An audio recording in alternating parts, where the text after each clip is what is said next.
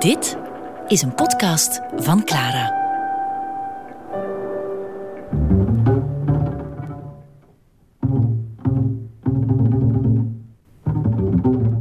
De sporen van Klaus. Ik ben nu van plan van eh, mij voor een nou, lange tijd terug te trekken en eh, een ietsje groter boek te schrijven dan tot nu toe het geval is geweest. Een, eh, een, een veel omvattende roman, ja.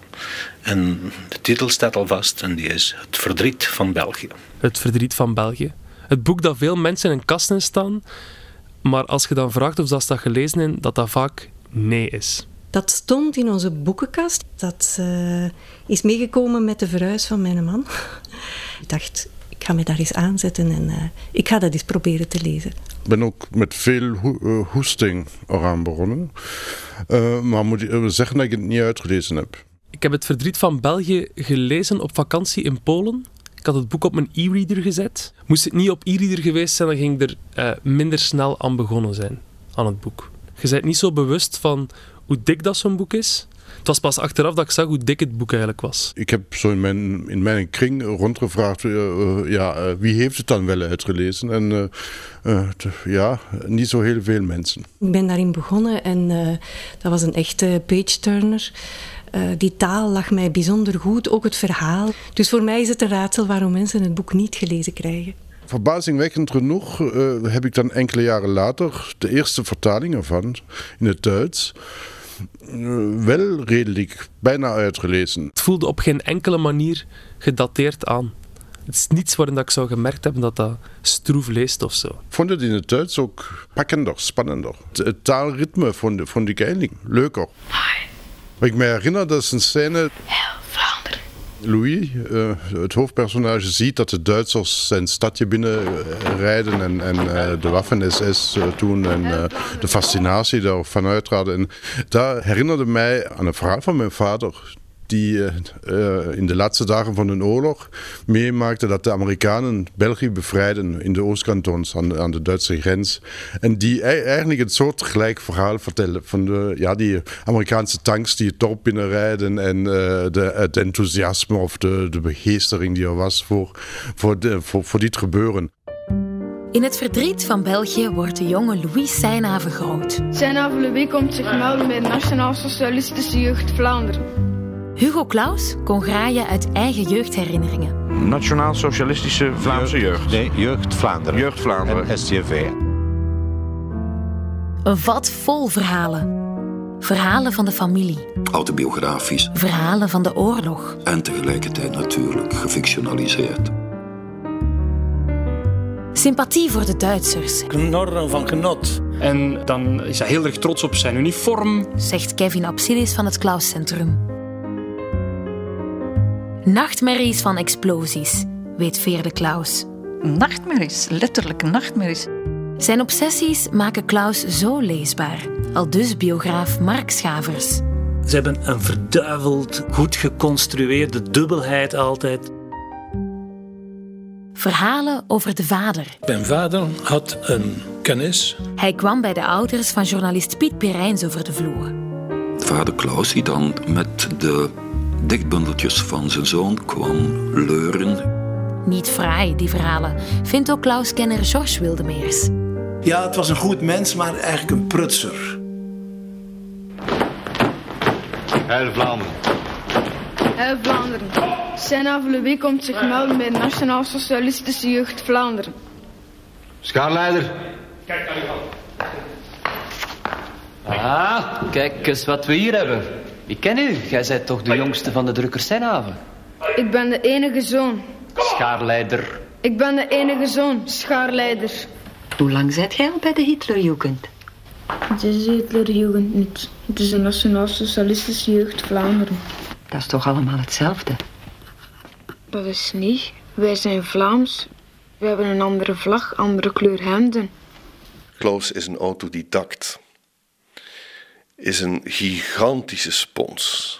Die werkelijk beginnen te lezen is op jonge leeftijd. Ook wat hij beschreven heeft, omdat zijn vader ook in die business zat blijkbaar. Uh, is die alles en nog wat beginnen absorberen. Films, boeken, alles en nog wat. Ik zou ooit schoolmeester willen zijn in een klein dorp. En daar de kinderen nou ja, laten opgroeien in een totale verwarring van alles wat de geschiedenis biedt aan figuren en vormen. Maar dat is er niet van gekomen. Ik ben nu in, eh, in het ijle, dazende ja, cirkel van een onderwijzer, maar zonder leerlingen. Als ik ook aan het schrijven ben, dan, of ik het wil of niet, duiken allerlei prototypes van vroeger op. Ik schijn blijkbaar geen boeken te kunnen schrijven zonder dat er een of andere rare priester in voorkomt. Dat is een, een afwijking, geloof ik. Een grote maag die dat allemaal verteert, die dat schaamteloos verteert. En daar, komt, komen Klaus zinnen uit. De vraag is eigenlijk niet wat er allemaal in zijn teksten zit, maar wat er niet in zit. Geen idee wat er niet in zit. Je ziet zoveel referenties naar films. Je ziet zoveel. bedoel, het wemelt van de natuurmythes, zeker in zijn, eer, in zijn, in zijn vroegere werk. Het middelt, het, het middelt, het, ik begin ook al, het verwijst constant naar mythes die we kennen. En zelfs in, in, in zijn latere werk zie je nog altijd eigenlijk bijna de invloed van soaps ongeveer op zijn, ja, in de geruchten en zo. Je hebt bijna soapachtige toestanden daarin. Ik hou heel erg van de spons die hij is. Uh, omdat, omdat Klaus op die manier een soort chroniqueur wordt van, van tientallen jaren.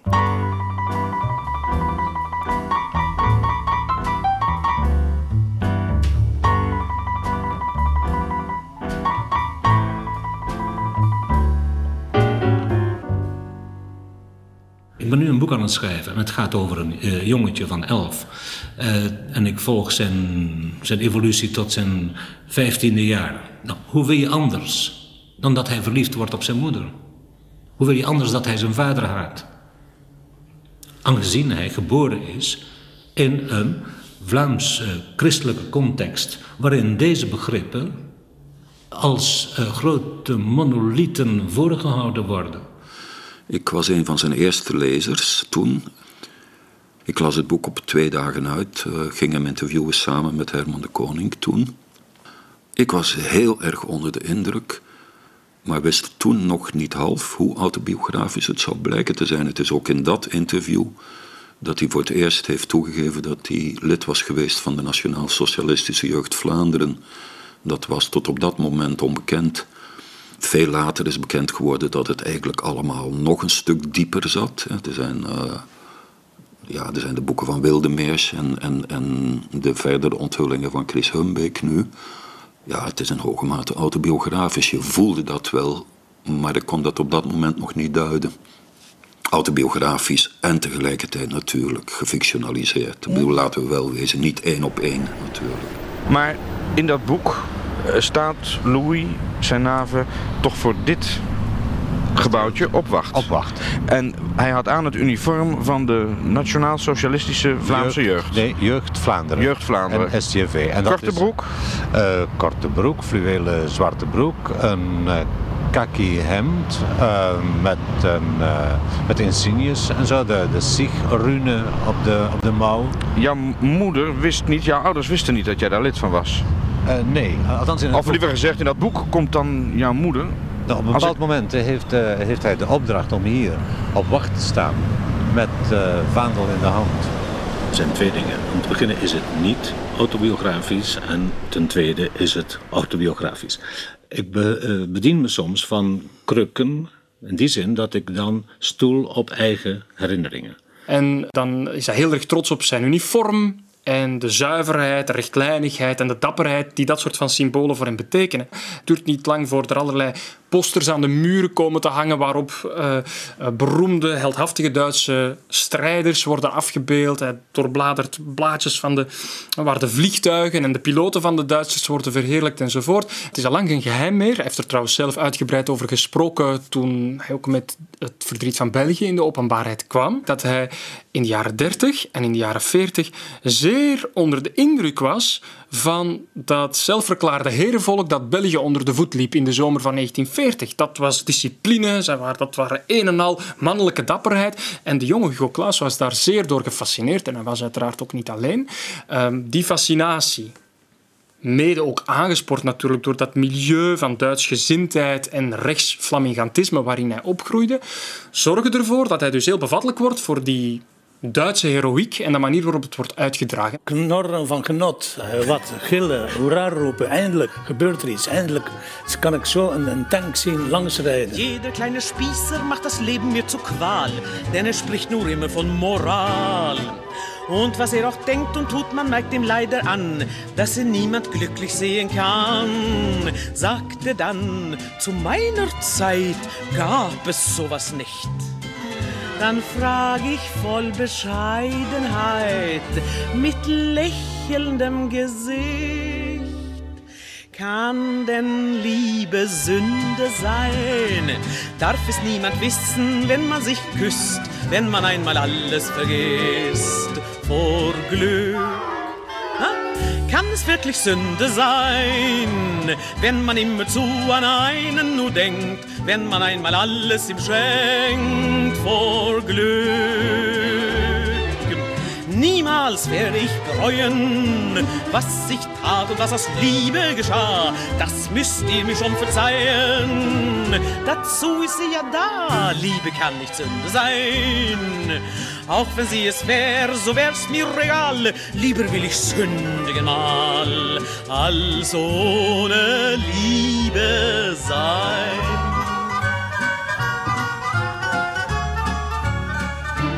Was die Welt doch spricht von mir, das ist mir einerlei.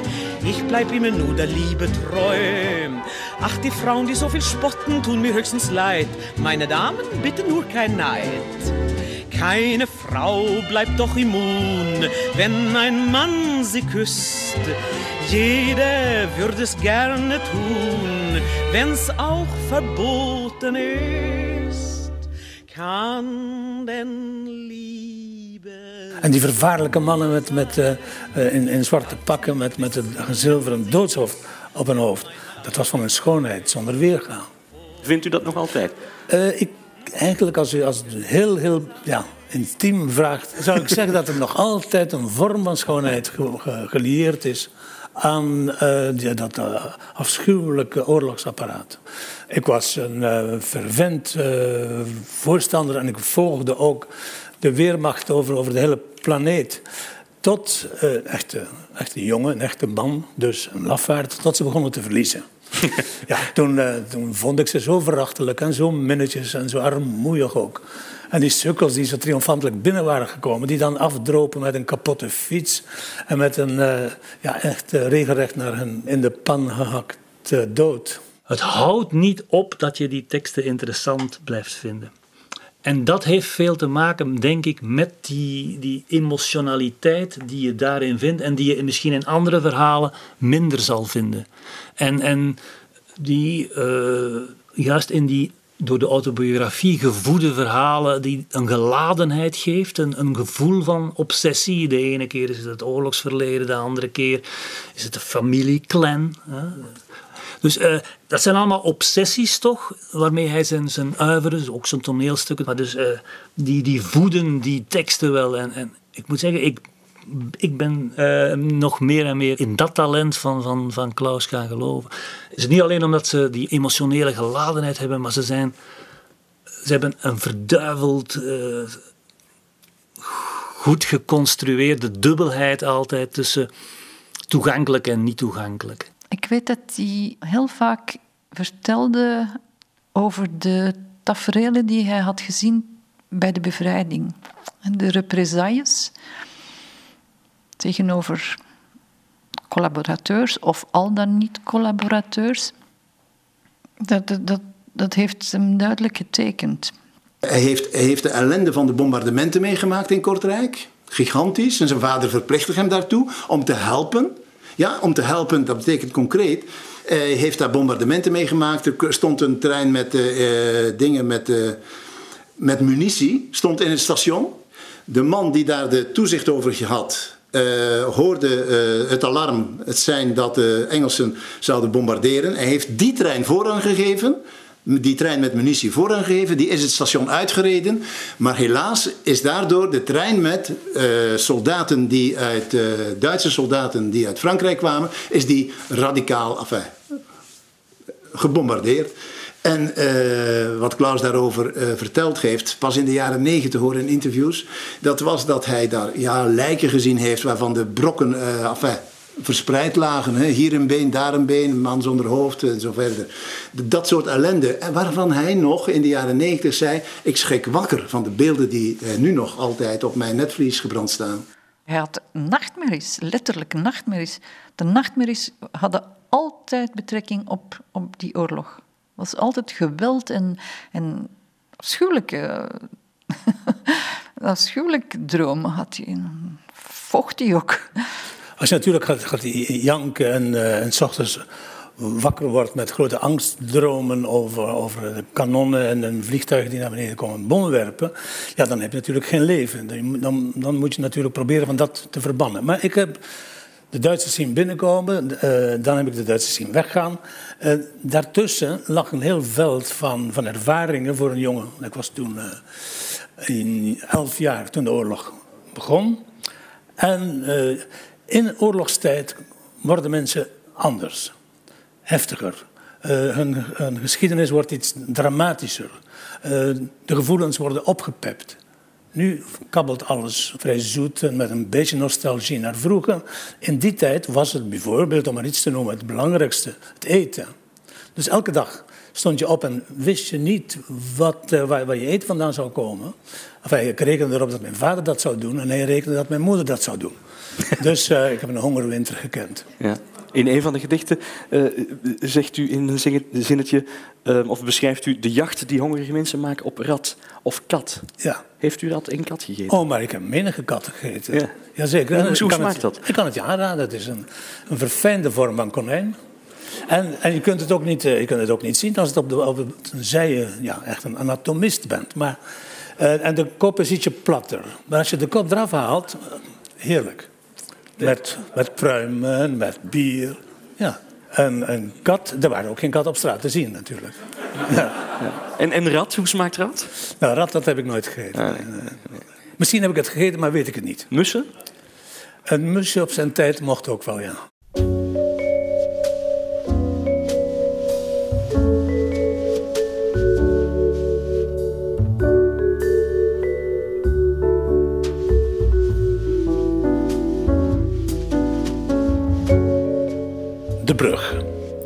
De veldslag duurde. De vijand kwam niet over de brug.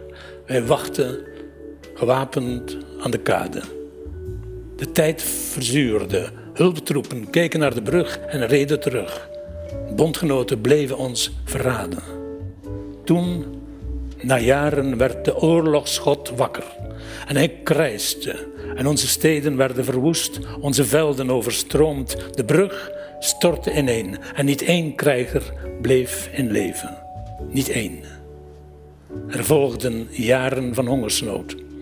Toen wenden onze kleinzonen aan de gedachte van een tamme dood.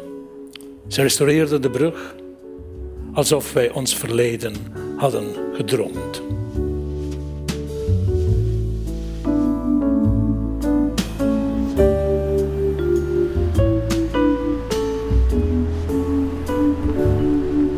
Kwamen allebei uit een Vlaams nationaal nest.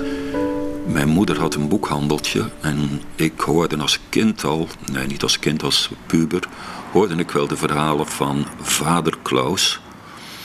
Um, vader Klaus die dan met de dichtbundeltjes van zijn zoon kwam leuren in boekhandel Universitas. Dat was het boekhandeltje van mijn moeder toen in de kasteelaan, toevallig de kasteelaan waar Klaus later zou gaan wonen. Um, hij wist wel dat we uit vergelijkbare nesten kwamen, maar eigenlijk heb ik tot aan dat gesprek over het verdriet van België in 1983 nooit met hem over dat verleden gesproken. En later eigenlijk ook nooit meer.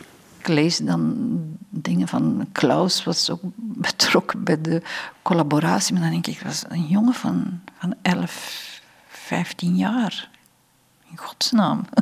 Als je in een gezin opgroeit waar, je ouders uh, sympathiseren, met, om welke reden dan ook. Want ik, de ouders, of de vader was zeker geen, geen Duitsgezind iemand, maar um, was een commerçant en die wilde zaakjes doen. Zo heb ik het begrepen. Ja, het was een goed mens, maar eigenlijk een prutser. De vader. Eh, Hij mocht niet horen van een, een, een, iemand die hij een autoriteit vond. En dat waren vooral Duitsers. Hè. Eh, een Duitser heeft hem, had hem bijvoorbeeld ooit gezegd, of hij had ergens gelezen dat een Duitser gezegd had dat de, de appendix, dat dat een overbodig instrument was voor de mens, dat we dat niet meer nodig hadden, want we waren geen vleeseters meer. Wat heeft hij dan gedaan? Bij al zijn zonnen heeft hij die gewoon laten verwijderen, meteen, zomaar. Hij had gelezen dat de haardracht, dat haar eh, gezond wordt eh, als het geknipt wordt. Nou, zijn zoon moest eraan geloven. Die, die, die, dit is een van de weinige echte bronnen, eh, verhalen, waarvan eh, ik nu weet. Dit duidt op een heel moeilijke relatie met die vader. Want ik, ik heb eigenlijk heel weinig concrete gegevens gevonden over wat was nu eigenlijk de oorzaak van, dat, eh, van, van die moeilijke relatie. Hè? Wel, die scène die, die is bijzonder, enfin, in de ogen van Hugo zelf die het vertelt, hartverscheurend. Hij vond dat zo erg dat hij kaal geschoren werd. Zijn vader bond hem, ze hebben hem dus vastgebonden aan een stoel. Ze hebben hem zo kaal geschoren en de volgende dag moest hij naar school. Kaal geschoren. Nou, dit soort verhalen, dat, die zijn inderdaad die zijn, ja, van een tristesse ongelooflijk. Ik bedoel, je, je zal maar als zoon je vader zo zien bewegen in het leven en zien dat hij dit soort dingen voortdurend, voortdurend deed. De keren dat ik hem zag, vond ik hem altijd nog hetzelfde. Een soort eh monoliet aan tafel. Die eh, zelfs al deed hij zijn mond niet open, toch seinen en bevelen en dreiging eh, afstraalde. Dus wat dat betreft was ik ook helemaal niet ongelukkig toen hij stierf. Ik denk dat zijn, de betrokkenheid van vader Klaus, eh, dat hij met name via eh, de cultuur ging en met name het toneel. Eh, het amateurtoneel, oké, met alle beperkingen daarvan. Maar toch, dat was, dat was toch wel zijn, zijn dada. Hè. Vandaar dat hij naderhand, toen zijn zoon eenmaal bleek toneelschrijver te kunnen worden. En te worden ook, eh, ja, dan ging hij alle voorstellingen, maar vooral alle amateurvoorstellingen, gingen die allemaal bekijken. Of dat nu nog de, de 35ste keer suiker was of de 100ste keer eh, vrijdag. Dat deed er voor hem niet toe. Hij wou dat allemaal zien. En bracht ook bij zijn zoon verslag uit van welke eh, opvoeding hij beter gevonden had dan de andere. Mijn vader had een kennis en dat was een Vlaamse wachter. En die stond op wacht voor een vrij groot gebouw in de Louisalaan in Brussel, waar boeken lagen opgeslagen. Namelijk de entartete kunst die bij galeries, bij boekhandels, bij privéfamilies uh, werd aangeslagen. Dat werd allemaal in dat gebouw neergezet. En mijn vader die ging daar naartoe, uh, laten we zeggen rond, rond tien uur s'avonds, liet zich insluiten en dan mocht hij s ochtends er weer uit met twee grote koffers vol met boeken. En die verkocht hij dan. En ik ben een paar keer mee geweest. Maar dat was voor mij een, een ongelooflijke belevenis, omdat uh, wij moesten ons bijna een gat graven in een, in een kasteel vol boeken. In de koffers die ik meesouwde, uh, waren dan voornamelijk semi-pornografische voorstellingen natuurlijk. Uh, prachtige boeken over het expressionisme, allemaal eerste edities. En um, dus die heb ik dan meegesouwd en ja, verbijsterd bekeken. Toen was ik um, 15 jaar oud. Klein detail is ook dat pas twee of drie jaar later ik ontdekte dat dat gebouw, dat was het uh, gebouw van de Gestapo. En dat de zonderlinge geruchten, geschreeuw en gestamp en, uh, dat we gehoord hebben s'nachts daar, waarvan wij dachten dat zijn de soldaten onder elkaar. Uh, dat was gewoon het, het hoofdkwartier van de, van de, Gestapo. Dus als, als men mij gevonden had, of mijn zotte vader, hè, dan, uh, dan waren we terechtgesteld.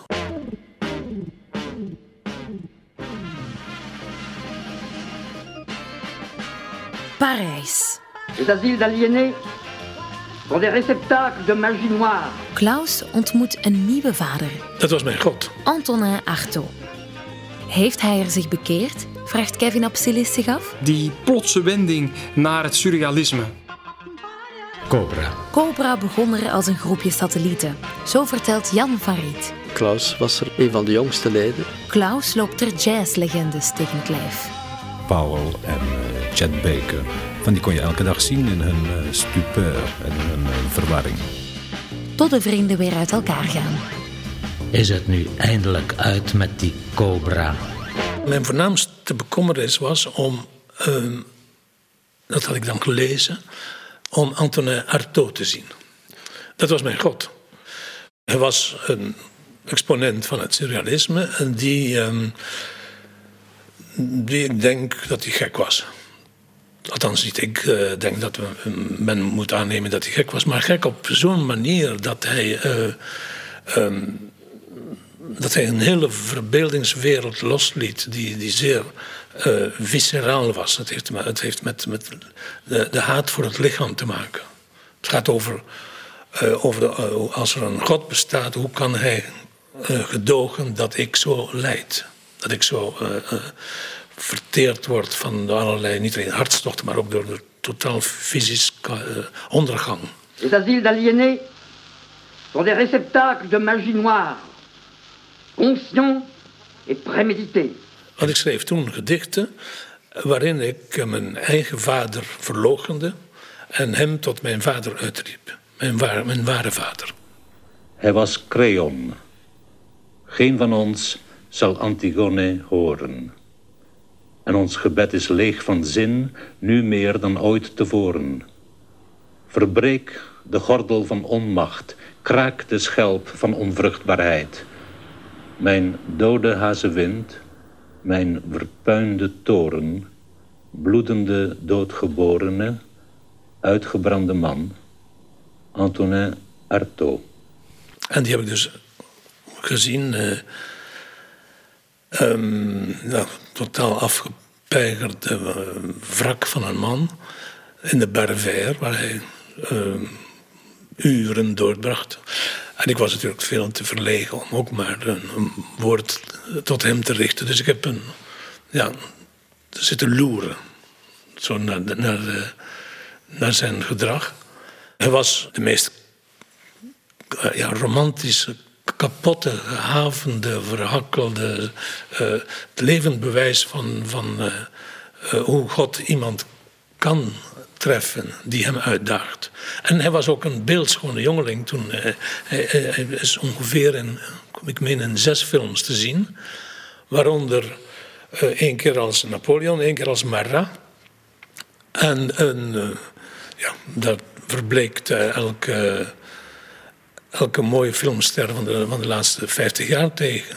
Il a fallu choisir entre renoncer à être homme ou devenir un aliéné évident. Mais quelle garantie les aliénés évidents de ce monde ont-ils d'être soignés par d'authentiques vivants?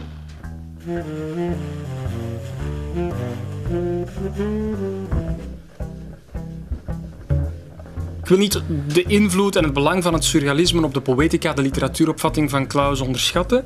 Maar mij bekruipt toch vaak de neiging om die plotse wending naar het surrealisme en andere vormen van avant-gardisme na de Tweede Wereldoorlog te interpreteren bijna als een vorm van overcompensatie, weg te gaan van die totaliserende, heroïsche fantasieën. Eerst is hij in de baan van die naïeve heroïek en alle racistische en, en antisemitische uh, opvattingen die ermee gepaard gaan.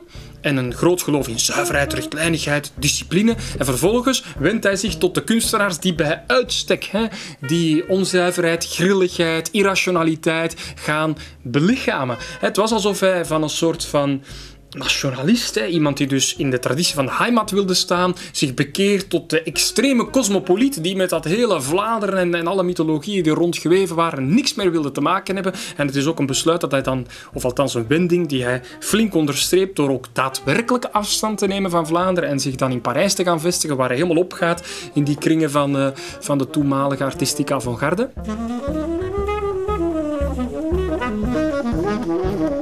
Cobra. Cobra is een, uh, een beweging in uh, Kopenhagen, Brussel, Amsterdam. Een afkorting, dus een beweging van schilders, ook schrijvers uit die steden, die elkaar troffen in Parijs. Klaus was er een, een van de jongste leden. Eh, de voornaamste zijn Karel Appel, Corneille. Eh, de grootvader van de Cobra was Asker Jorn, een Deen.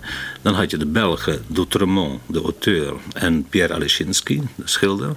Dat was zo'n beetje de kerngroep van, uh, van Cobra. Ook niet te vergeten de uh, Hollandse schilder Constant. Karel Appel, uh, Jorn, Lucebert enzovoort. die maakten allemaal deel uit van die beweging. En je had heel veel jonge dichters die er als satellieten rond zweefden. Aanvankelijk zaten ze uh, met z'n allen heel gezellig in een soort loods uh, waar geen elektriciteit en geen water was en waar de, de ratten uh, welig tierden. En toen waren het allemaal hele goede vrienden. Wij zagen ook dagelijks een groot aantal jazzmensen. Uh, Bud Powell en uh, Chet Baker.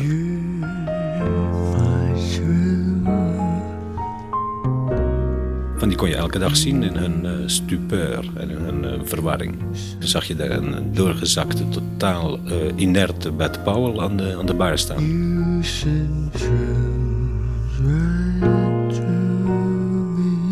En daar let je niet, eigenlijk niet zo erg op. Het was een gedeelte van het landschap.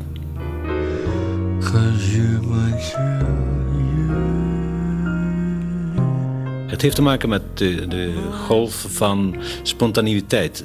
Namelijk dat uh, kunst niet iets was waar, waarover je nadacht, maar dat zo als het ware uit de ingewanden zelf voorkwam.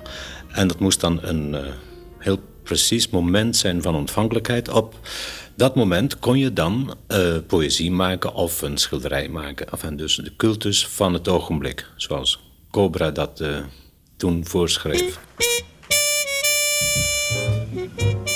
Het was wel een grote belevenis toen we Miles Davis voor, uh, in levende lijven mochten ontmoeten. En dezelfde, dezelfde bar mochten zitten. Uh, dat was een, een, wel een uh, geweldige figuur.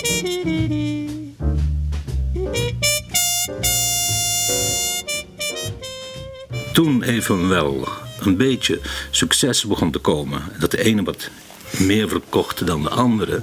Toen ging op de klassieke wijze dit uh, moois allemaal teleur. Hè? En dan teloor. En uh, dan uh, had je ja, de naijver, de, de rivaliteit. En eigenlijk heeft Cobra niet zo lang geduurd. alles bij elkaar misschien drie à vier jaar. Ja, die schilders keken een beetje op hem neer. hij was natuurlijk niet een van de grootste. Je zag ook later... Um, als je naar een roman als Een zachte vernieling kijkt, waarin die afrekent met die Parijse periode, dan zie je toch ook een beetje zijn jaloezie de métier op die schilders, die grote schilders die het wel gemaakt hebben. Als ik nog uh, denk aan jazz, is dat helemaal uh, die tijd. En uh, ik heb een hele grote collectie platen gehad van jazz. En sedert die tijd, zo vanaf 58, heb ik dat als het ware vaarwel gezegd. De plicht van de dichter is tegen de staat te zijn. Dat nam Klaus vrij ruim in de jaren 60. Geef hen heden onze dagelijkse napalm. Hij was tegen de kerk. Wel, Jezus, maat, het is nu mijn tijd. En tegen een genoegzaam Vlaanderen. Zij die er schrijven en zo nodig in leven willen blijven, steken meestal hun hand uit naar het bevriende Nederland. Schilder en dichter Jan van Riet leerde Klaus kennen in de woelige jaren 60, toen hij met hem optrok tegen censuur. En Hugo Claus die, uh, had een, drie naakte mannen op het podium gezet in het toneelstuk Maskero. Met de Nederlandse schrijver Harry Mulisch trekt Klaus naar Cuba. Klaus op Cuba? Die zat volgens mij Cuba Libre en caipirinha te drinken op een terras. In Amsterdam rekent de toneelschrijver af met tomaat. Op dat moment ontpop ik me als een echte reactionair.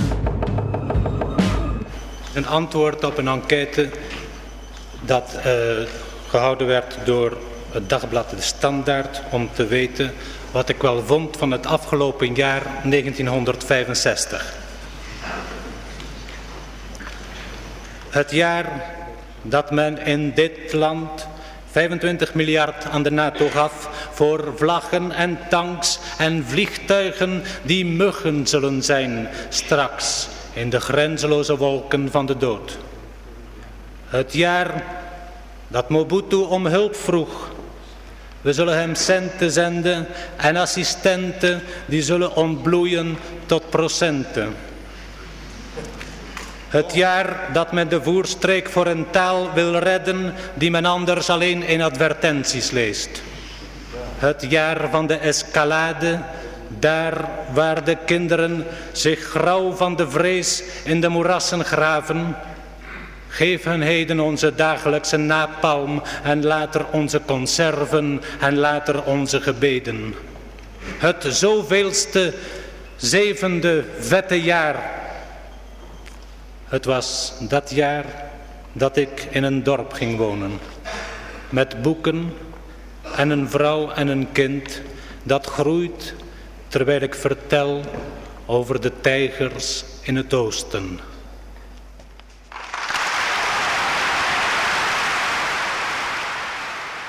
In de jaren 67, 68 werden we ineens geconfronteerd in Vlaanderen met een, een toename van censuur. Er werd opgetreden tegen jonge schrijvers.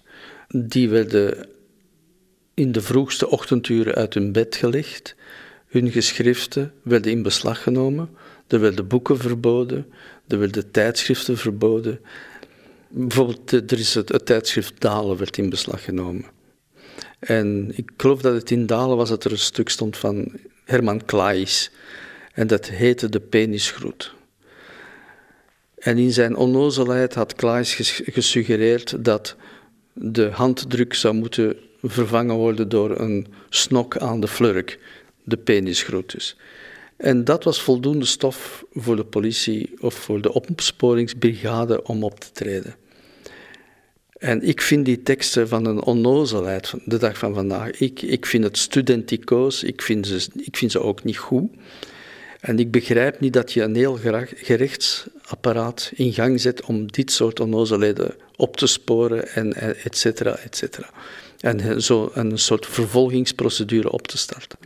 En Hugo Claus die, uh, had een, drie naakte mannen op het podium gezet in het toneelstuk Maskeroen. En dat heette Maskeroen naar de naam van de duivel. En daar, daarin zie je een meisje en uh, dat ontmoet een uh, verleidelijke duivel, rollenbollen in het nest.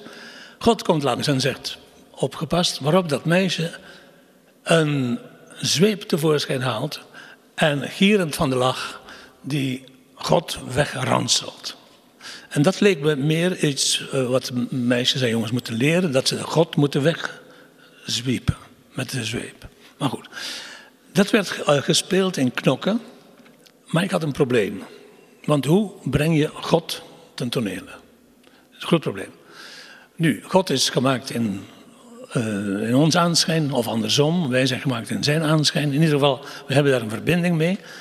En wat is de mens? De mens is een naakt wezen wat uh, geboren wordt, een beetje neukt en sterft. Dat gebeurt naakt. Dus ik moest het wel, ik moest God naakt laten zien. En toen had ik uh, drie uh, fantastische jongens gevonden. Jongens, de, God de Vader was een letteristische Engelse dichter die ongeveer 128 kilo woog. Prachtig man, hij kon zijn genitaliën niet zien, maar dat zag je dan wel, zei hij in de spiegel, dat is genoeg. Dat was God de Vader. En dan had ik nog twee vrienden, die waren God de Zoon en God de Heilige Geest. En het meisje werd gespeeld door een, een hele ja, een talentvolle, beeldschone meid. En ik had dan die, die heren gezegd, eh, we gaan wel uh, bloot. Ja, natuurlijk, geen enkel probleem. Maar toen had ik aan het meisje gezegd, kijk, als je moet beginnen ranselen, uh, probeer ze zoveel mogelijk te pakken te krijgen. Hè, want dat, dat, dat, en natuurlijk heb ik dat niet aan die, aan die heren gezegd. Dus op, op de prachtige vernissage van het stuk de première, ging alles, iedereen amuseerde zich dol, tot zij met de zweep uithaalde. En die, die, die, die drie naakte mannen wisten niet waar ze naartoe moesten lopen. Dus die renden ook in het publiek, waar ze ook weer klap kregen op hun billen van de mensen. Enfin, één groot jolijt. Hugo is daar heel zwaar voor gestraft, met, met uh, celstraf en ontzetting uit de burgerrechten en een zware geldboete. Dat is teruggeschroefd, uh, verminderd uh, in, in, in beroep, maar toch uh, is een serieuze straf gebleven. En dat was een heel merkwaardig gegeven, want wij kunnen ons vandaag niet voorstellen dat Jan Fabre in de, in de doos wordt gedraaid voor het neerzetten van twaalf naakte mannen in Olympus. Wat ik niet wist, is dat er in, in het gezelschap een, een, een meneer was, een, priester, die uh, als normaal mens verkleed rondliep. Die had als taak om, als dit soort zedeloze dingen zich voordeden, om die te melden aan de, aan de politie. En toen kreeg ik een, paar heren op bezoek en die zeiden uh, dat, uh, dat ik uh, goddeloos was geweest, godlastering had gepleegd, en dat staat, staat nog altijd in het, in het wetboek dat dat niet mag. En toen zei ik dat het inderdaad zo was. Want ik heb een, uh, aangezien ik niet in God geloof, kon ik hem ook niet belasteren. Althans, ik had er niet de minste moeite mee. En dat is uitgemond in een proces in Brugge. Maar toen uh, werd de BOB aangestuurd door de socialistische minister van Binnenlandse Zaken, Alfons Franks, die zich opwierp als een, als een gedreven zedemeester. Mei 68 zat in de gonste, het zat een beetje aan te komen. Was dat een stuiptrekking tegenover de flower power beweging, de beat generation? Men, men zag allerlei dingen in het buitenland gebeuren. En er werd een soort uh, repressie uh, gevoeld. Uh, maar dat de dag van vandaag vind ik toch vrij onverklaarbaar is. En zeker overtrokken. Maar toen dat proces voorkwam, toen was er niemand in die zaal. Want ik had natuurlijk een prachtige tekst uh, geredigeerd. waarin ik opriep tot de bevrijding van alle vreselijke uh, zwartrokken en zo. Ik had een hele mooie revolutionaire tekst gemaakt. Dan, ik zag me al de hele bevolking toespreken. Maar toen ik in Brugge kwam, dan zat er de rechter met bijrechters, een paar advocaten. En niemand. Behalve mijn broer en nog een, acteur uit Holland. Wat mij verbaasde was, uh, je hebt van die verenigingen, de vereniging van de Vlaamse letterkundigen, van de penclub, waar ik geen lid van ben, maar... En al die, al die groeperingen, die staan altijd op de bres voor de vrijheid van het woord en zo. En als er in, in Chili of in Peru iemand zijn, zijn enkel verzwikt heeft, staan ze al te wapperen voor, om, om, om amnestie, weet ik veel. Dus... Um, dat was een bittere teleurstelling.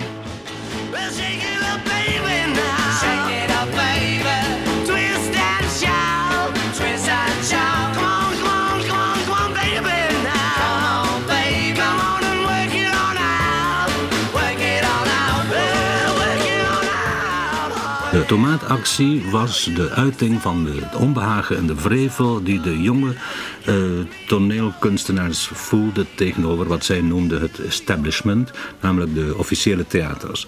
En dat deden ze door uh, toneelvoorstellingen te verstoren door het gooien met tomaten.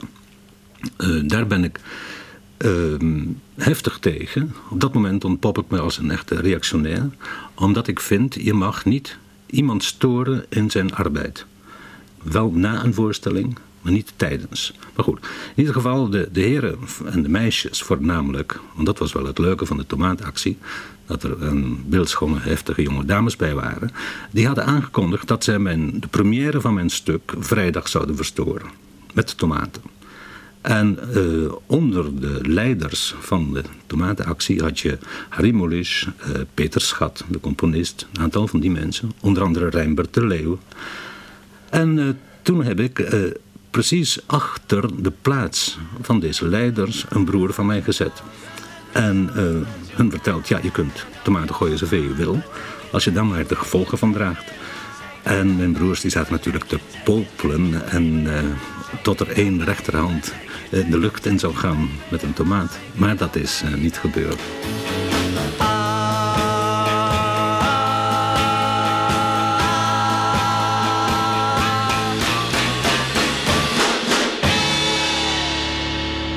De sporen van Klaus. Ik vind dat met de loodzware ernst die wij, enfin wij Vlamingen dan, betonen tegenover alle facetten van het leven en dus van de kunst, dat wij daarmee iets wezenlijks veronachtzamen. Dat heeft te maken met, uh, met de, denk ik, onze christelijke opvoeding. Die, mm die, die, enorme tegenstelling tussen lichaam en ziel, niet waar? Waarbij de ziel dus uh, hoofdzakelijk iets heel bijzonders is, wat men moet uitpuren tot mhm. op een bepaald fragment, dat dan verdient door God in zijn hemel opgenomen te worden. Maar goed, dat leidt ons te ver, vrees ik. Zijn weerzin tegen het katholicisme was toch wel evident. Daarin vonden we elkaar ook wel heel erg goed. Suzanne Holzer. Zeer, nou ja, dat was natuurlijk altijd wel goed om nog eens goede grappen over te maken.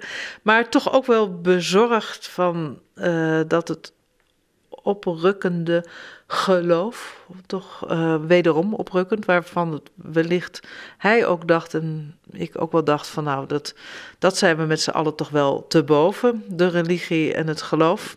Dat hij dacht, ja, ik, zich bewust was van ik raak nu, of het atheïsme, wij als atheïsten, we raken in de minderheid, in een ernstige minderheid. En dat, ik weet niet of hem dat beangstigde, maar in ieder geval het, het viel hem enorm op en hij was zich wel erg bewust van die minderheidsrol. Ik lees dus eerst een paar gedichten uit de wangebeden. De wangebeden, dat is een term voor de uh, gebeden die de meestal landelijke Vlaamse bevolking uitsprak een paar honderd jaar geleden tegen de officiële gebeden, de Rooms-Katholieke gebeden. En die waren dan uiteraard zeer vulgair en heiligschennend. Er zijn geen teksten van overgebleven. Alleen de edicten van het Vaticaan, dat wie dat las, die werd onmiddellijk in de ban van de Heilige Kerk geslagen. En ook wie dat aanhoorde.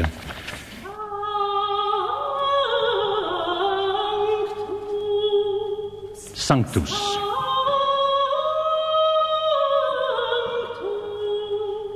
Kruis over voorhoofd, lip en borst. Aan het kruis, God zij geloofd, stik je van de dorst. Hij was een bloeiende stok. Neem nog een slok. Hij vermenigvuldigde brood met zijn ene kloot. Hij scheurde de mooiste pagina uit elke vagina. Hij liep vooraan in de stoet, zes bommen onder zijn hoed. Op de blauwe berg van Golgotha deed hij trouw zijn God nog na. Als je op Goede Vrijdag durft te poepen, krijg je vast een kind met sproeten. Nonnen dragen op fluweel de kikkers van zijn keel. Hij braadt aldoor zijn haring in een averechtse paring. Kruis over tanden, neus en haren. Kruis over zijn 33 jaren. Klaus bleef daar maar karikaturen van maken. En, en, en bleef daarmee spelen ook. En ik denk dat voor veel uh, schrijvers Klaus belangrijk is geweest, niet alleen om wat hij heeft geschreven, maar ook om, om de persoon die hij was. En ik bedoel niet noodzakelijk menselijk, maar iemand die zoveel heeft geschreven, iemand die zoveel lef vertoonde om onbeschaamd vierkant zijn goesting te doen met alle mogelijke genres. Iemand die vierkant zijn goesting deed. Heere Jezus, levend water zoudt gij mij schenken, weet ge het nog? Volgens uw oud verhaal? Wel, waar is dat mirakelwater gebleven? Schurft en honger waren mijn leven. Ik at uit een trog. Want wil bedenken, Jezus, gij had tenminste nog een avondmaal met brood en rode wijn, zoals het moet zijn. Heere Jezus, het schijnt dat ge in de hemel zijt, samen met de engelen en de profeten. Dat ge een hemel hebt verdiend, dat wil ik best geloven, beste vriend. Maar waarom nooit in mijn kindertijd een roggebroodje naar beneden gesmeten? Of een kilootje patatten, bezorgde beter voor de ratten. Heere Jezus, gij die God zijt, zo gezeid, bezie mij, geschonden, rot, kapot. De beul op de markt van Aalst staat gereed en het is water en bloed dat ik zweet. Wel Jezus, maat, het is nu mijn tijd. Luister daarom naar mijn enige gebod. In uw rijk van het hemels slijk kunt gij mijn versplinterde botten kussen. Mijn ziel en mijn lijk lever ik liever aan de mussen.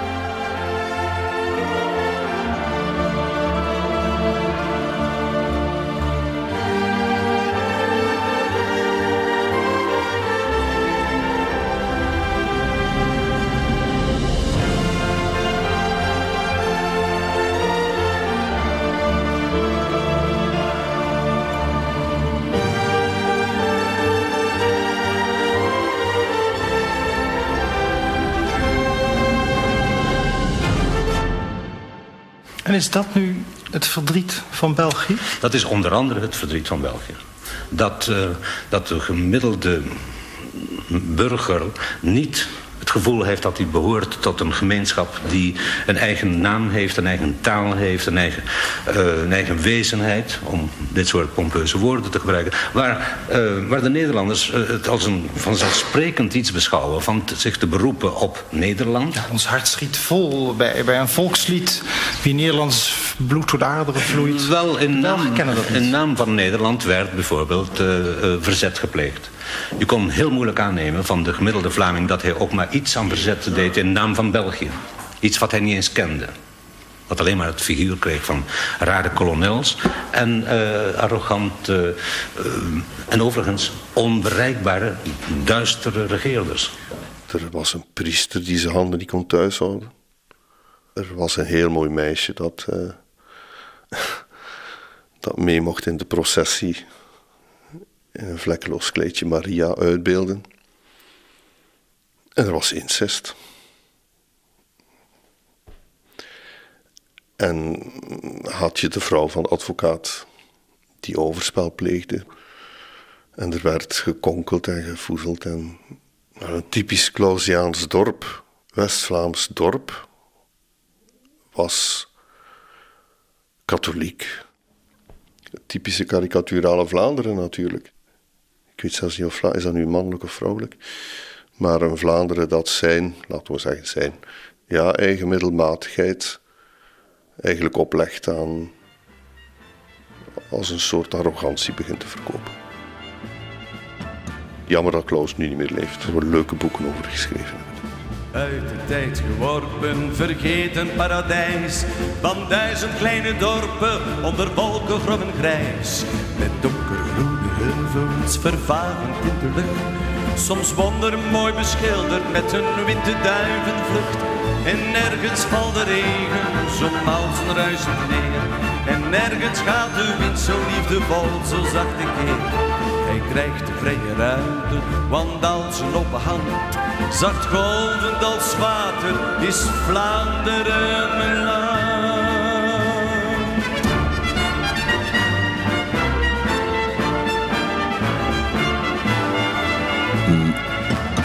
Denk dat hij in de jaren zestig gewoon meeging met de tijdsgeest. Klaus was natuurlijk in wezen uh, niet politiek geïnteresseerd. Het, het interesseerde hem eigenlijk geen bal iemand als Harry Mulisch, zijn beste vriend, of een van zijn goede vrienden, dat was, die was links en die bleef achter de Cuba, dat Cuba-communisme, dat tropisch communisme, daar bleef hij achter staan. Terwijl Klaus allang zei van, ja, nou die Che Guevara, die zullen ze wel in zijn rug geschoten hebben zeker. Mulisch vond dat, uh, dat Guevara als een held moest sterven.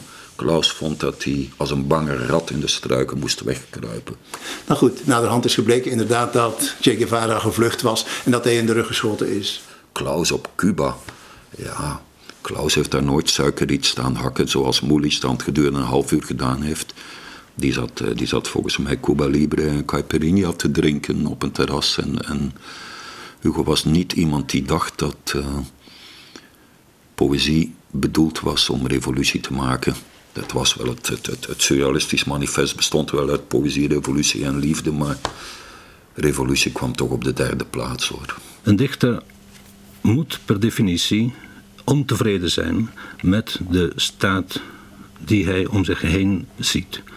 Um, dat is namelijk de corruptie, het, uh, ja, alles wat een staat zo onleefbaar maakt. En dat is, uh, geloof ik, al zijn plicht om daartegen te reageren met alle middelen.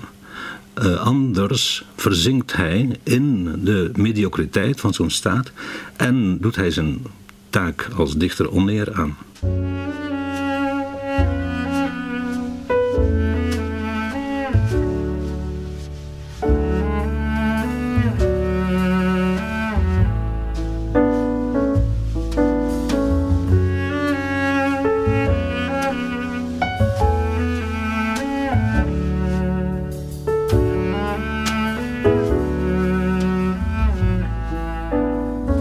Majesteit, Koninklijke Hoogheid, Excellenties, dames en heren.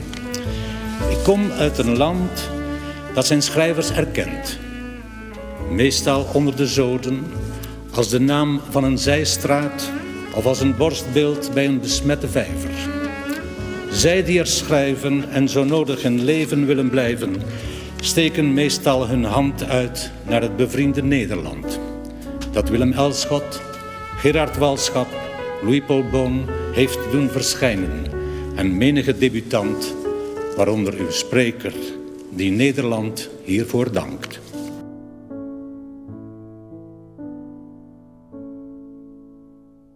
Overigens, dat valt ook uh, bitter tegen hoor. Um, ik kan me niet herinneren dat ik in de laatste 25 jaar van de staat ooit één cent gekregen heb. Ik heb uh, nog een werkbeurs gehad, nog een reisbeurs, nog een premie van uh, enige aard om mij in staat te stellen om in leven te blijven. Dit in tegenstelling met sommige geruchten. Wat ik wel heb gekregen zijn prijzen uh, uiteraard, die driejaarlijkse staatsprijs bijvoorbeeld, die heb ik een paar keer gekregen. Maar dat is omdat er gewoonweg niets beters was. En dat ben ik ook van bewust. Men zou zich onnoemelijk blameren als men mij die prijs niet gaf. Maar van de staat zelf heb ik. Um, nee. maar het schijnt dat men dat moet vragen. Velen hebben erop gewezen. Bij Klaus sloeg de vlam in de mitte. Alle verhalen zijn terug te brengen tot de mythes.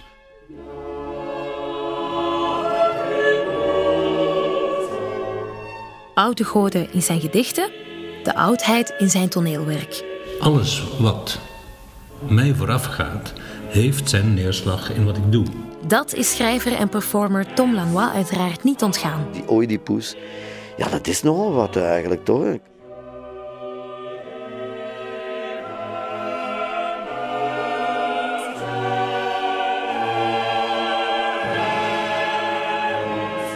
Zo heeft Klaus het verhaal van Oedipus meer dan één keer gebruikt. Dat hij een bijna oedipale verhouding met zijn moeder en zijn vader had, that's for sure. In het huis van Laptakos komt alles samen. De totale ondergang van een huis. Oedipus, zijn ouders en zijn kinderen, waaronder Antigone, en ook vorst Creon.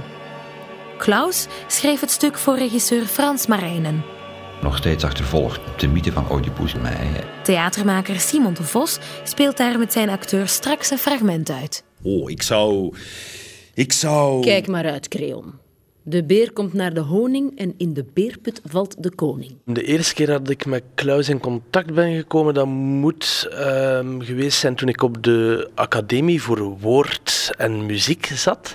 En daar had ik een toneelleraar, um, André Roels heette die man. Um, en wij moesten als eindexamen moesten wij een stuk uit Een Bruid in de Morgen spelen. En dat was de eerste keer dat ik, uh, de eerste keer waarschijnlijk uh, waren er wel al een aantal fragmentjes die wij in het middelbaar gelezen hadden. Maar dat was de eerste keer dat ik echt een, uh, een stuk van Kluis in handen heb gehad. En zelfs kort daarna heb ik dan ook eens een uitvoering van Vrijdag gezien. Um, een uitvoering van Johan Simons, die bleef mij enorm bij. Vooral ook qua taal, omdat dat waren allemaal Nederlanders die het Vlaams bekten. En nog nooit was het Vlaams zo mooi, kwam het Vlaams zo mooi tot zijn recht wanneer dat door een Nederlander werd uitgesproken eigenlijk. Merkwaardig genoeg. Nog steeds achtervolgt uh, Oedipus. De mythe van Oedipus mij. En dat is dan ook weer in het huis van Labdacus gebleken. En toen ben ik op zekere nacht met de moed in mijn schoenen praktisch naar Klaus gestapt. En heb hem dat scenario uh, verteld en voorgelegd. En tot mijn grote verbazing was Hugo op de kortst mogelijke tijd bereid om daaraan mee te werken. En heeft hij vanuit dat scenario en vanuit gesprekken die ik met hem had daarover op uh, recordtijd het uh, stuk geschreven, Het Huis van Laptacus. Als je kijkt naar het, de grote oerstukken die hij niet toevallig, denk ik, dan Hugo tot, tot, tot, tot zijn mantra gemaakt heeft, die Oedipus.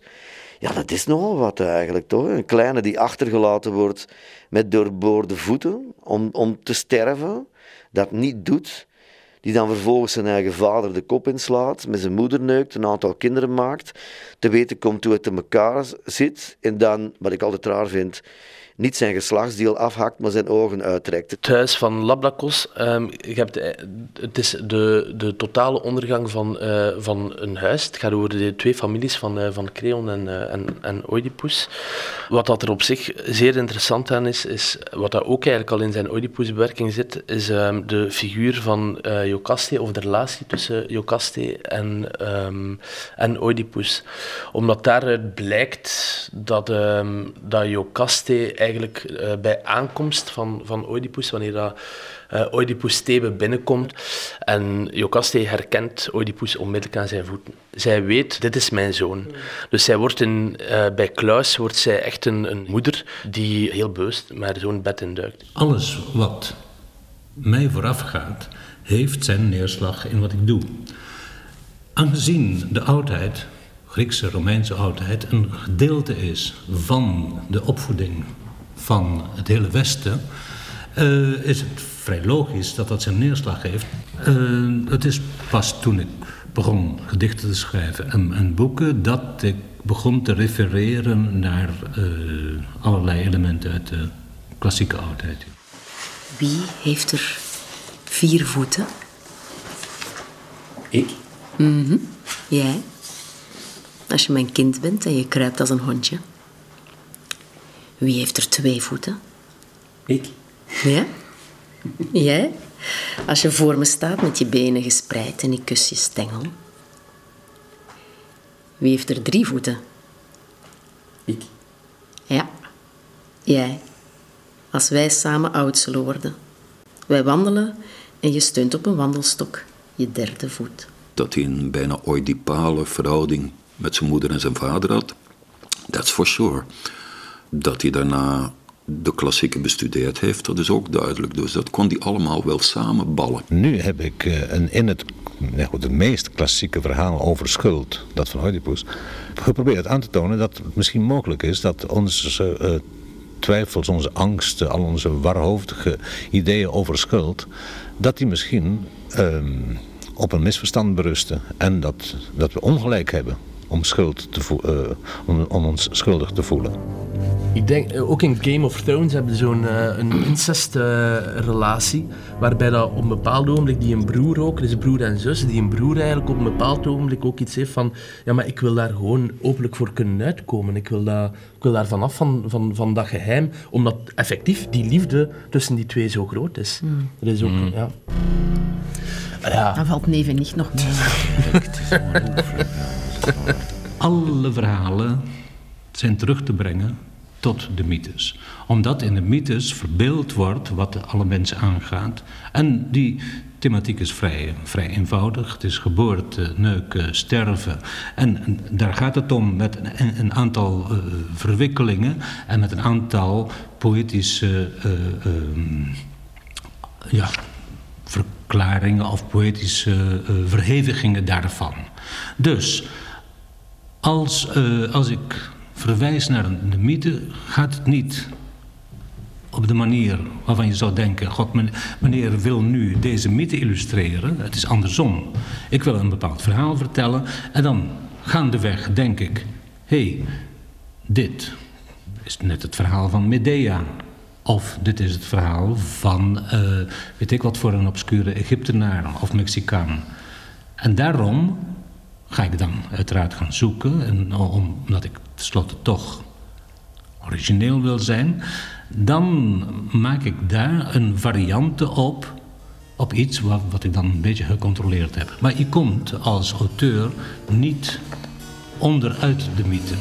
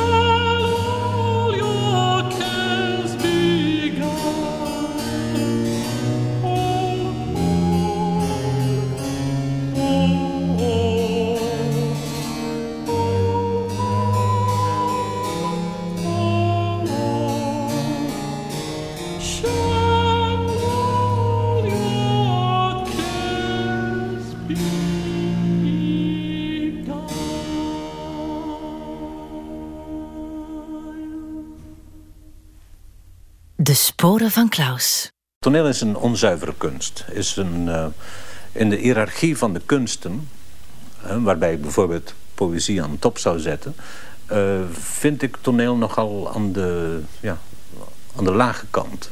Omdat, precies omdat je de voeling moet hebben met het publiek. Aangezien 95% van de mensen die er zitten uh, niet al die bedoelingen kunnen volgen. Niet alle ramificaties uh, en alle details en alle verborgen, geheimzinnige elementen kunnen volgen... moet je zorgen voor een bepaalde vergroving. Je kunt die raffinementen aanbrengen, maar je moet wel zorgen dat de, uh, de elementaire dingen, namelijk uh, geboorte, dood, geweld, ziekte, liefde, dat die zo gebracht zijn dat zij een respons kweken. Hij heeft die meerstemmigheid die hij in zijn poëzie al had, ook in het toneel als auteur binnengebracht. En hij heeft, denk ik, in het Vlaamse theater dan een aantal uh, thema's die in, in het buitenland gangbaarder waren binnen het toneel. Van incest tot familiedrama's die echt familiedrama's waren. Uh, maar dan altijd de lichtvoetigheid en de, de poëtische taal erbinnen. Een bruid in de morgen, als dat goed gespeeld wordt, is dat fantastisch. Wat wil zeggen dat een auteur materiaal geeft aan acteurs en de regisseur, dat is mijn volgorde, om via de interpretatie iets wezenlijks te zeggen over la condition humaine. Liefst ook inderdaad af en toe uh, niet alleen met tragiek, maar ook met, met een zekere lichtvoetigheid. Ja, dan zijn er zeer veel stukken die overblijven van hem. Ik kan mij van die, leeft, van, die uh, periode zijn er weinig andere auteurs in het Nederlandse taalgebied die, uh, die dat kunnen voorleggen. Als filmregisseur zou ik hem niet zo geniaal noemen, laten we zeggen. Ik heb ooit meegespeeld in De Leeuw van Vlaanderen. Hier in Brugge was het. Vroegste figuranten. En ik herinner mij nog dat we s'morgens op, op een echt totaal onchristelijk uur, om zeven uur s'morgens of zoiets, ons moesten aanmelden, geschminkt werden. En toen moesten we wachten. Ik weet dat er een politieagent nog bij zat, een Brugse flik. Het werd acht uur, tien uur, elf uur, twaalf uur. Dus voor meneer de agent was er uh, aperitieftime aangebroken. En het was vier uur in de namiddag toen we mochten filmen. Enfin, dat betekent dat wij aristocraten waren, patriciërs. Er kwamen, ik denk, Franse edelieden, zogezegd te paard binnen. Jan de Cler sprong uit de struiken en begon die Fransen uit, uit te schelden. Dat was het eigenlijk. Maar tegen vier uur was die politieagent zo zat dat toen de Claire uit de, uit de struiken sprong, dat hij die te lijf ging, omdat hij dat beledigend vond wat hij... Dus dat was totaal, totaal getikte situatie. En opnieuw, en opnieuw, en dan moest opnieuw vier, vijf keer.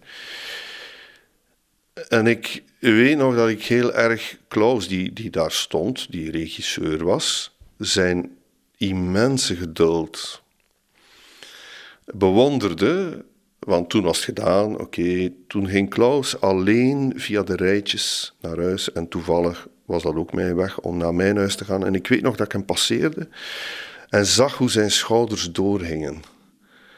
Van vermoeidheid, omdat hij toen ook al wist dat die film niet de film zal worden die hij in zijn hoofd had, ongetwijfeld. Want als, als ik later de film bekijk, herken ik tientallen, enfin nee, herken ik een heleboel vrienden van mij die telkens gedood worden en opnieuw even later meespelen. Dus het is zo gênant, die film.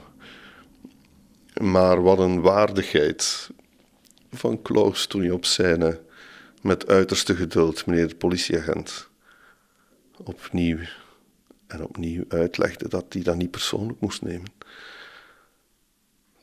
dat film was. Maar ja, dan ook die Klaus met hangende schouders. Oh, dat was zo meelijwekkend om hem zo helemaal alleen. Ja.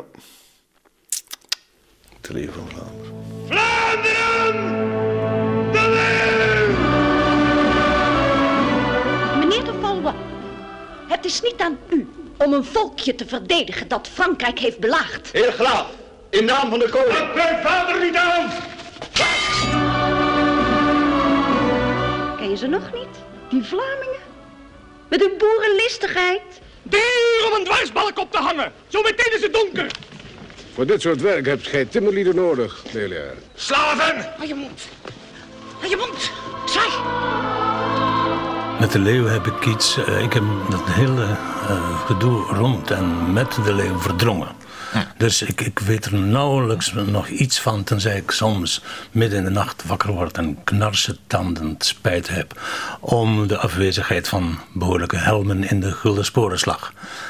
Dit soort reacties heb ik wel. Maar op een normaal niveau kan ik daar niet eens meer over spreken. Zozeer ehm, spijt het mij. Ik heb ehm, zeer laat moeten constateren dat alles wat ik doe met anderen, eh, dat dat over het algemeen fout loopt. Dus als ik eh, regisseer of als ik een film maak of ik met toneel eh, bezig ben, dan, ehm, ja, dan is de, wat ik van mezelf eis als eh, kunstenaar, zullen we maar even pompeus zeggen, dat ik dat ook van de andere eis. En ik vind dat dat, wat mij betreft, onder de maat blijft. Ja, dat is vloeken in de kerk. Ehm, niet iedereen zal het daarmee eens zijn, maar het was natuurlijk totaal mislukt als eh, zijn, zijn cinematografisch werk.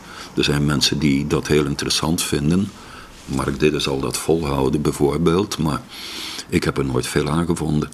En hij had zelf ook wel het idee dat hij, hij drukte dat wat anders uit, dat hij te veel achter de dames aangelopen had.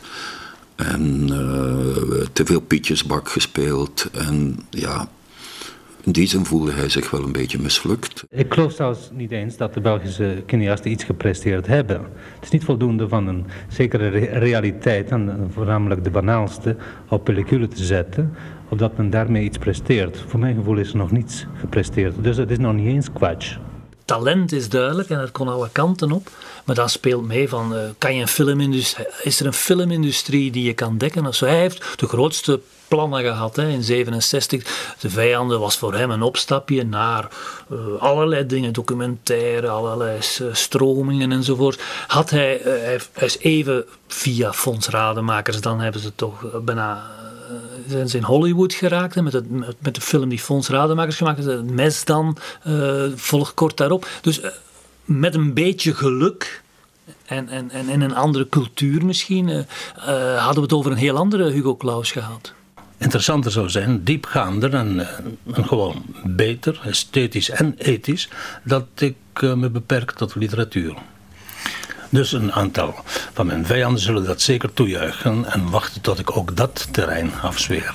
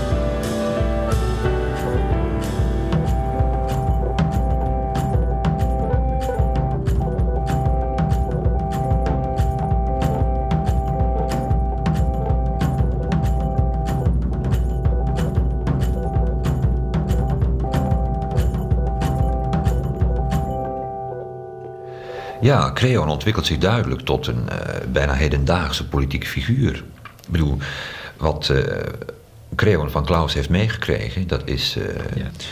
een, een, andere dimensie bezorgen aan Creon. Wat Creon aan het eind zegt, dat zou een, een, tekst kunnen zijn van minister van Acht. Dat zou een tekst kunnen zijn van een of andere recordcompromis-figuur. Want dat blijkt de enige manier te zijn waarop in deze tijd nog aan politiek kan gedaan worden. Dat is langs het compromis. Creon zegt duidelijk dat hij voor zichzelf gekozen heeft. Zichzelf. En dat hij de twee uitersten in balans heeft gebracht. Met andere woorden, en op basis van het compromis verder zal leven. Gesplitst tussen de plicht en het verlangen kies ik voor het schommelen tussen beiden. Niet voor de achtervolgingswaanzin en de droom die een van beide tyranniek gebiedt. Alright. Godverdomme, je kon toch schrijven eigenlijk. Plus? Het is, ja. Ja, ik vind dat ook wel, dat dat heel snel uh, in een intensiteit zit ook. Als ja, ja, je, alleen een stuwende... Ja. Maar dat is wel echt met kluis. Ja, dat is hier, je leest dat voor de eerste keer en dat al zo... Ja. Die dialogen zijn, zijn gewoon zijn wel stevig, zijn, zijn echt goed eigenlijk. Ja. En helder ook. Ja. Dat is, en ze zijn spannend ook, vind ik. En ook, uh, ook die, die beginsituatie uh, tussen Creon en Jocaste, die daar, die daar dan ook nog tussen zit. En Oedipus, het, dat zijn venijnige scènes. ja. Het huis van Labdakos met Oedipus Brandewin, Jocaste, Lotte Heitenis en Koen Jansen als Creon. Zijn alle uitgangen afgesloten? Geen rat, geen kever mag naar binnen. Zijn we er allemaal? Alle kinderen van het huis van Labdakos? Iedereen is er. Oedipus, hoe lang ga je nog blijven kniezen? Nu al dagen en weken, sinds de rampen in de stad zit je te nukken.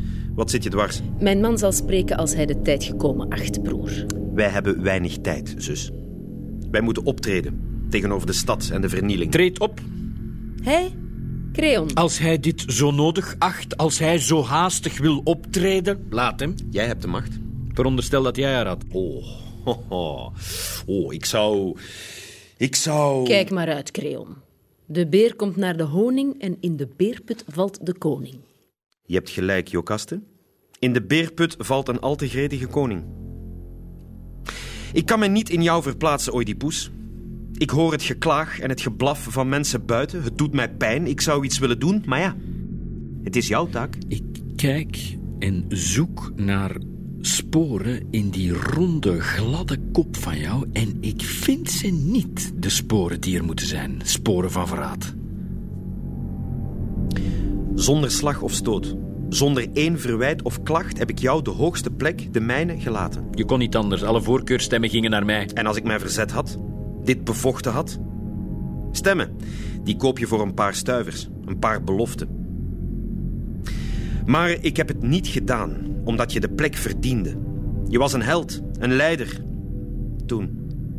Is hij dat nu niet meer? Minder. Minder? Ja. Het is makkelijker een held te zijn dan een bestuurder. Er zijn fouten gemaakt. Ja, dat kan niet anders als je moet besturen. Wie niks doet, maakt natuurlijk geen fouten. Dat zei onze moeder altijd.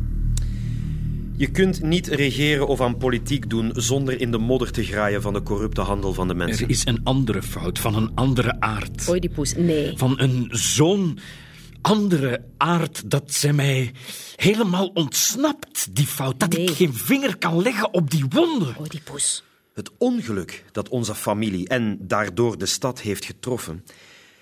Het is vreselijk, duister, ongrijpbaar. Maar misschien was het niet te vermijden. Misschien lag het in de natuurlijke orde van de dingen. Wij zijn wellicht te lang gelukkig geweest. Een te lange voorspoed vraagt om rampen. Welke rampen zich ook voordoen, daar is men zelf verantwoordelijk voor. Of wou je je beroepen op een of andere god die grillig, kwistig strooit met kwaad en goed naar gelang zijn goddelijke muts staat, Kreel? En hoe kan je altijd weten waar je verantwoordelijk voor bent? Er is zoiets als waarheid. Moeilijk, Ontwijkend, kronkelig, maar te achterhalen. Die moet je onder ogen zien. Er gingen geruchten in de stad. Wat hoorde je? Men zei het niet hardop natuurlijk, zover gingen ze niet, die lasterende, vurige tongen. Maar men fluisterde, of zei dat men had horen fluisteren, dat de moordenaar van Lajos gezocht moest worden in wat men noemde vooraanstaande kringen. Tussen hooggeplaatste personen. Bij ons. Wat een onzin. En die onzin heeft een bron. En die bron zou ik zijn? Wie heeft er het meeste baat bij het rondstrooien van zulke verhalen? Hè? Wie lonkt er al zo lang naar de troon? Waarom zou ik zoiets doen? Oedipus, het laatste wat ik wil is jouw plek innemen. Het is mij te hoog daar, te koud, te benauwd op de plek waar je zit. Ik ben te oud, man. Ik heb te veel de kwalijke dampen van de macht geroken om mij uit de naad te hollen om toch maar te mogen regeren. Nu heb ik alles waar ik mijn zinnen op zet zonder de last en de zorg. Nu wil ik best je bevelen aanhoren en uitvoeren. Zo verblind ben ik niet door je macht. Wat die geruchten betreft, Creon, zo snel als het kan moeten wij dit moordverhaal ontwarren en het raadsel oplossen. Het raadsel is wie... Wat heeft 's morgens vier benen, 's middags twee en 's avonds drie? Nee, het raadsel is wie heeft er Laios vermoord? Wat? Wie spreekt daar? Wie heeft dit gezegd? Maak je niet zo druk, Oedipus. Kom hier. Kom bij mij. Het raadsel is, en ik wil een antwoord. Wie heeft Laios vermoord? Wat? Wie? Welk woord? Wie? Oedipus, wat wil je dat ik doe? Nogmaals, ik wil de macht niet overnemen. Voor mij is de macht een praktische kwestie. Wie beveelt en wie gehoorzaamt, dienen beide evenzeer het geheel. Om deze macht over te nemen, Creon, daarvoor sta je niet sterk genoeg in je schoenen. Je schoenen zijn niet groot genoeg, Creon. Vergeet niet dat ik olifantentenen heb.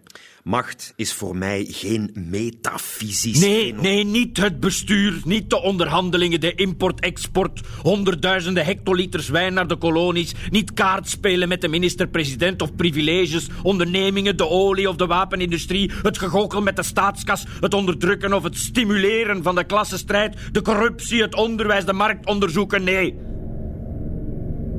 Je keert je tegen een andere macht in mij. Tegen de onzekere, bittere, verkrampte macht die mij beheerst. Tegen mijn ziel.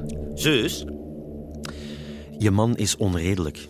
In deze omstandigheden is dat zijn recht, broer. Is het onredelijk om iemand die over mijn ziel wil regeren te verjagen als een horzel? Wat wil je van mij, Oedipus? Zeg mij wat je weet. Waar heb je het over? Ik kan het niet zeggen. Doe de deuren open en jaag hem naar buiten. Nee. Buiten! In de zenuwgassen. In de giftige wierook. Hij zal er in een, een wekenlange doodstrijd sterven. Zijn aangetaste spieren en zenuwen zullen zijn eigen ingewanden wurgen. Tiresias, ik, ik kan niet anders. Spreek, ik gebied het je. Ik hoor niets. Luister niet naar hem. Niet naar Theresias, mijn lief. Dit dubbelslachtig ding is kwaadaardig en ratelt alleen maar in leugens en in list. De leugens van een vrouw, het verraad van een man. Dit manwijf heeft alle kwalen. Spreek, sterrenkijker. Kwel je niet zo, lieveling. Ziener, jij die de taal van de vogels spreekt, die de slangen hebt zien paren en daarom blind geslagen werd, stroop dit slangenvel van twijfel van mij af. Ik wil vervellen. Ja. Ja. Ja. Ja.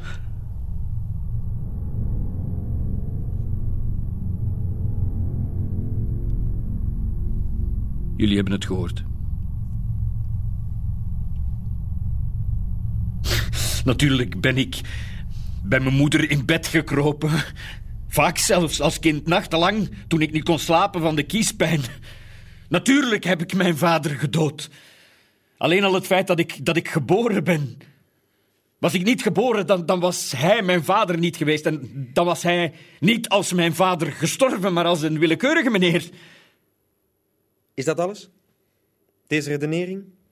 Deze schooljongensredenering? Geloof je dat zelf, Oedipus? Het is een uitleg als een andere, ja. Het kan best de ware verklaring zijn. Hou je aan deze, Oedipus? Natuurlijk niet. De ware verklaring jeukt in zijn bloed, davert in zijn botten. Ik heb het koud. Beheers je, Oedipus. Het is niets. Hè, je hebt te veel gedronken. Eh, Er is niets te vrezen. Wij zijn hier bij je. Ja, ik ben het. Jokaste.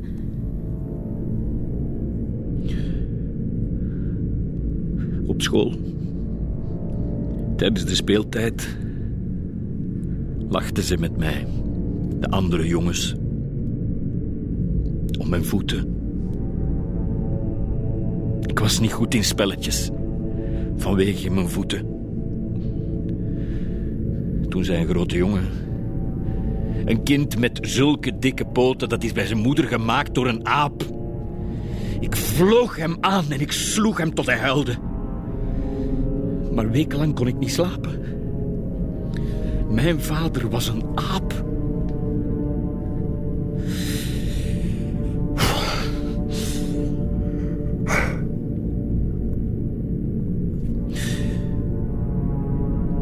Kinderen van Labdakos, luister. Een koning zit niet blij op zijn troon.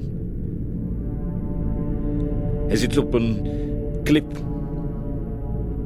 In hagel en wind. Zelfs de lichtste bries van de branding verschroeit zijn gezicht. Niemand beschermt hem, alleen een koning kan beschermen. Zichzelf en zijn voorvaderen. Het lijk van Laios werd niet beschermd of geëerd. Het lijk van Laios werd schandelijk vergeten, want zijn vuige moordenaar loopt vrij. Daarom moet die man gevonden worden, voordat de avond valt. Hij, hij moet gezocht worden. In de grotten, tussen de rotsen, in de, in de velden, in de plooien van de aarde.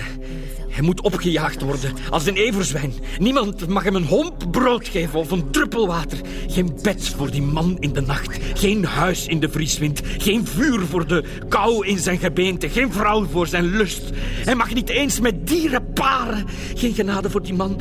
Bij het licht van de aarde, bij, bij de kolken van de zee, bij mijn huis en mijn bed en mijn kinderen. Die man moet hierheen gebracht worden voor mijn ogen. En eigenhandig zal ik de hand die Laios heeft geslagen afhakken.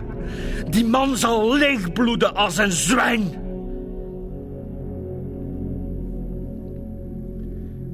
Jokaste. Die man van jou die wij nu zullen wreken. Praat niet over hem. Haal zijn lijk niet boven, niet tussen ons. Is je verdriet zo groot als je aan hem denkt?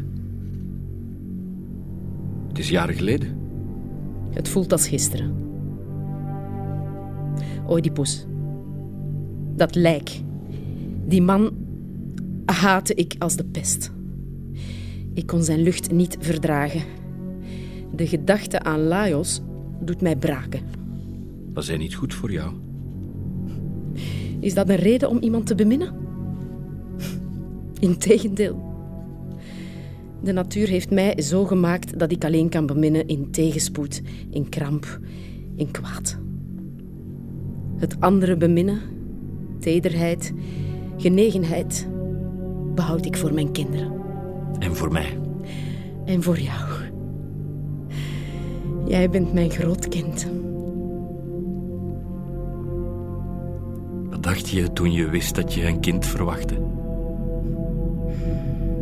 Toen ik eraan dacht hoe het verwekt was, zonder verlangen, tegen elke wet, moest ik braken van weerzin en van woede.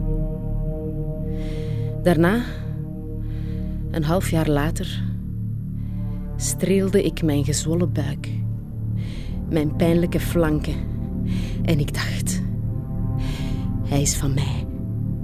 Hij is van mij en van niemand anders. En toen het geboren werd, het kind? Toen het er lag, gerimpeld, glimmend, bebloed, zocht ik naar de gelaatstrekken, de lichaamsbouw, de sporen van mijn man. En vond ze niet. Toen niet en later niet. Alsof dit kind alleen uit mij ontstaan was. Meer dan een deel van mezelf, alsof ik mezelf zou overleven in hem. Was het een jongetje? Ja, een man, een koning. Wat is ermee gebeurd? Hij heeft mijn kind gestolen uit zijn wieg. S'nachts. Het had mijn melk nog op zijn lippen. Hij propte het in een koffer en reed ermee weg. In de bossen waar hij een houthakker ontboden had, die het onthoofde met zijn bijl.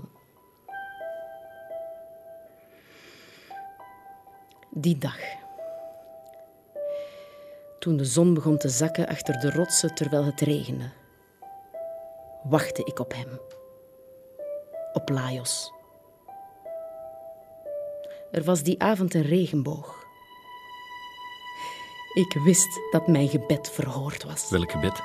Elke nacht bad ik het.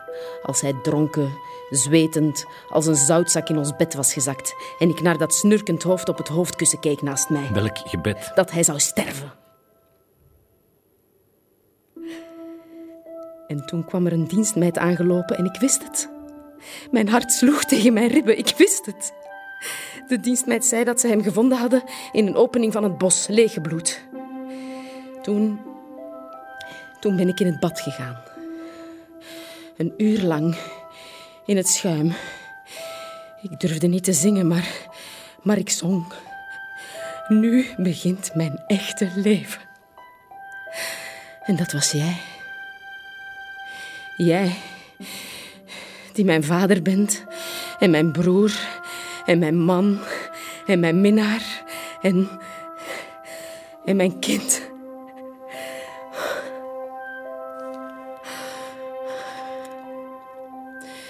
Wie heeft er vier voeten?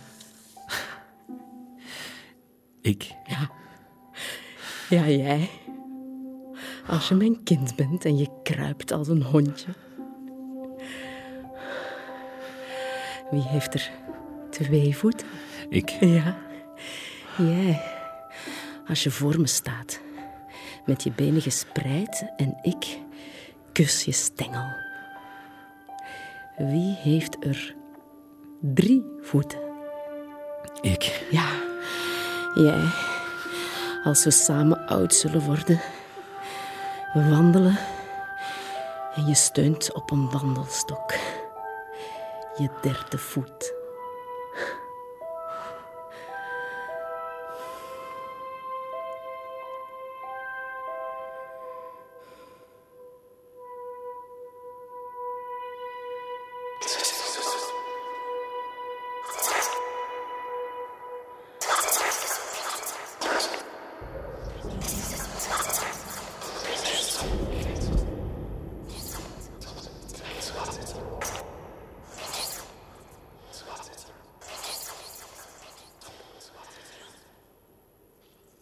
Waar denk je aan, Oedipus? Aan de stad. Het is herfst. En de mensen vallen als bladeren. Dat ik en ik alleen de schuld draag voor het ongeluk van de stad. Zwijg toch. Weet je nog die dag, Oedipus, dat je in onze stad aankwam? Ik zat erbij bij de hoge heren van de regering. Ik begroette je op de marmeren trap. Ik heb je toegesproken tijdens het diner. En ik keek naar je voeten. En in mijn bureau hebben wij die nacht aan jou de macht overgedragen en beklonken met champagne. Ze knalden uit je gelakte schoenen. Dom Perignon. Weet je nog? Hoe had ik je voeten niet kunnen herkennen? Mijn voeten. De schuld. De macht. Een vader die een andere vader. Tiresias! Ziener! Dit is de laatste maal dat ik het vraag. Ontwar deze strikken. Breng hier licht. Het sterkste licht, of ik zweer het. Ik laat je ter plekke vieren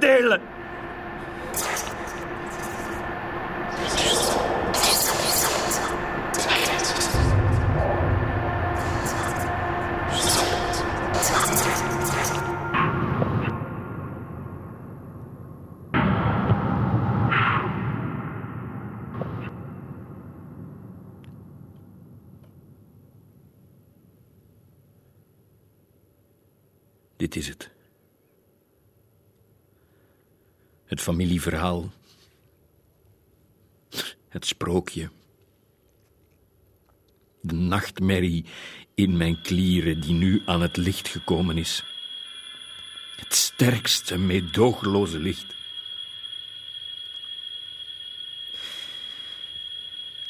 Wat moet ik doen? Ik moet iets... Ik moet iets bedenken. Denk, denk, denk, kind. Kind van haar. Ik mag niet sterven. Mijn dood moet elke dag opnieuw herhaald worden, anders is er geen boete. Zij, zij moet mijn misdaad waardig zijn. Een ellendig lange boete. Licht, meer, meer licht voor wie zo schuldig in het donker zat. Want het zonlicht was zwart toen ik hem sloeg. Het daglicht was nacht toen ik haar beklom. Ja. Het zou voor ons en voor de stad wenselijk zijn als hij in deze staat een tijdje wegbleef uit de herinnering van de mensen. Een herfstblad is een deel van een boom en een boom een deel van het woud en het woud staat in een staat en die wordt geregeerd. De industriële, technische, technologische hartslag van een staat, dat is de droom. Daarom, voordat het huis van Labdakos in zijn laveloze verdoving in elkaar zakt als een schuimtaart in de zon, moet ik, hoe hatelijk het ook lijkt, deze familie wakker schudden uit zijn voze hazenslaap. Ik neem de macht over. Vanaf nu mag jij regeren, Creon, over een woestijn vol verspreide kadavers. Als de enige rechtvaardige rechter. Goed. Alleen.